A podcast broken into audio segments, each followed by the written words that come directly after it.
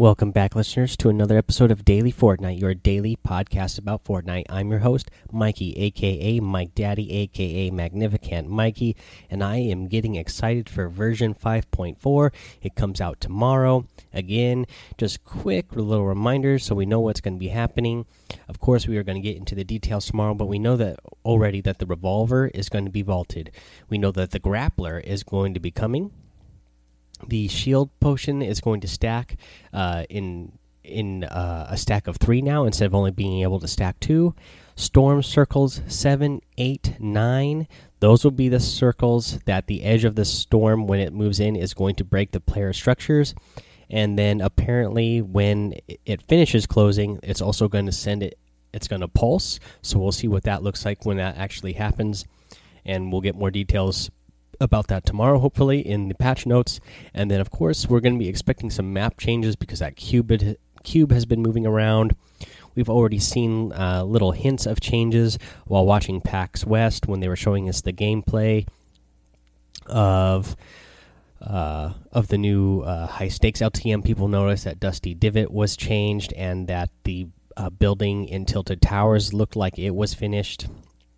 Uh, the new building and uh, we should be expecting a big controller change, which is why they, which is why they had to delay uh, the update in the first place was because something was wrong in the update with the controller, and we know that is something that they've been working on. So I, I'm expecting there to be more adjustments made to the controller.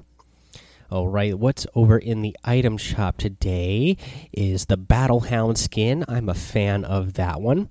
Uh, we have the Silver Fang harvesting tool to go along with it.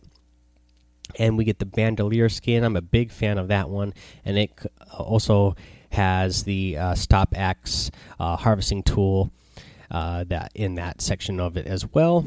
Let's see here in the daily items section, we get the steel sight skin, we get the studded axe harvesting tool, we get the e the eagle emote, you get the roar emote, you get the commando skin, and the fossil flyer glider. So that's what's in the item shop today, guys. Uh, let's see here. It's going to be a short episode. I'm just going to get into a little tip of the day now. Uh, and the tip of the day is uh, uh, so when someone builds themselves in a one by one, what you can do is ramp up to the top of their one by one, put a pyramid on top. You then the next step is to edit out one square of the pyramid. When you when you build a pyramid, it'll just be a uh, two by two square. So just take out edit out one of the squares. And when that happens a structure will pop up that will almost uh, look like a net. And you're going to throw in you know your explosives. So c4 uh, clingers grenades uh, whatever uh, explosives that you have you're just going to chuck them all on top right there. The um, the little uh, structure that you just built on top is going to prevent any of those from falling off the other side and then they will all explode on top right there. And again we know how the explosives work. You know the first one is going to blow up the structure and then the uh, especially clingers that the first one is going to explode and the other ones are going to fall down and stick on the ground and then blow up. Um, but this should take out your opponent it should kill them. If it doesn't, it's definitely going to destroy that one by one that they are in, and it's definitely going to get deal a lot of damage to your opponent. Uh, you know, if they have 200 health uh, in total, it might not kill them, depending on how lucky they get on, you know, if they put themselves in the opposite corner of where your grenades are or something. But uh, definitely, most likely, it's going to kill them, especially if you chuck a bunch of them right there on top.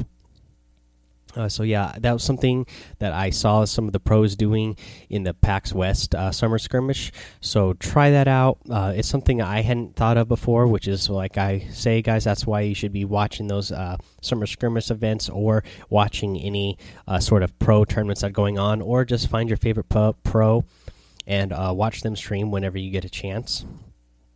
Let's see here. Uh, that's about it today. I just you know i'm basically i can't wait to get that wild card skin. I can't wait to play the getaway ltm uh, with you guys. And i can't wait to play around with the new grappler.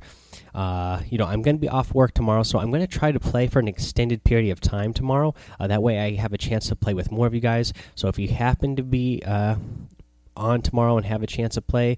Uh, I'm going to be playing for a while, so hopefully I'll get to play with a lot of you out there that being said, that's going to be pretty much it, guys. So just want to remind you that you can support Daily Fortnite by going to anchor.fm slash daily fortnite and hitting that listener support button. Let's see here. I got a couple of reviews to read over here on iTunes, and that's another way you can support the show. Got a five star rating here from the guy in the land. Uh, it reads amazing podcast with a five star rating. And let's see here the the uh, the body of this review reads I listen to this cast before I go to bed, and it's helping me know more about the current events of Fortnite. Thanks so much, Hyped Chris. It's a PC player. Uh, so, yeah, uh, thank you, Hyped Chris, also known as the guy in the land. Thank you so much for uh, the five star rating and written review here. I really appreciate it. Uh, we have another one here. This one comes from Verse 99 on Fortnite. It's a five star rating.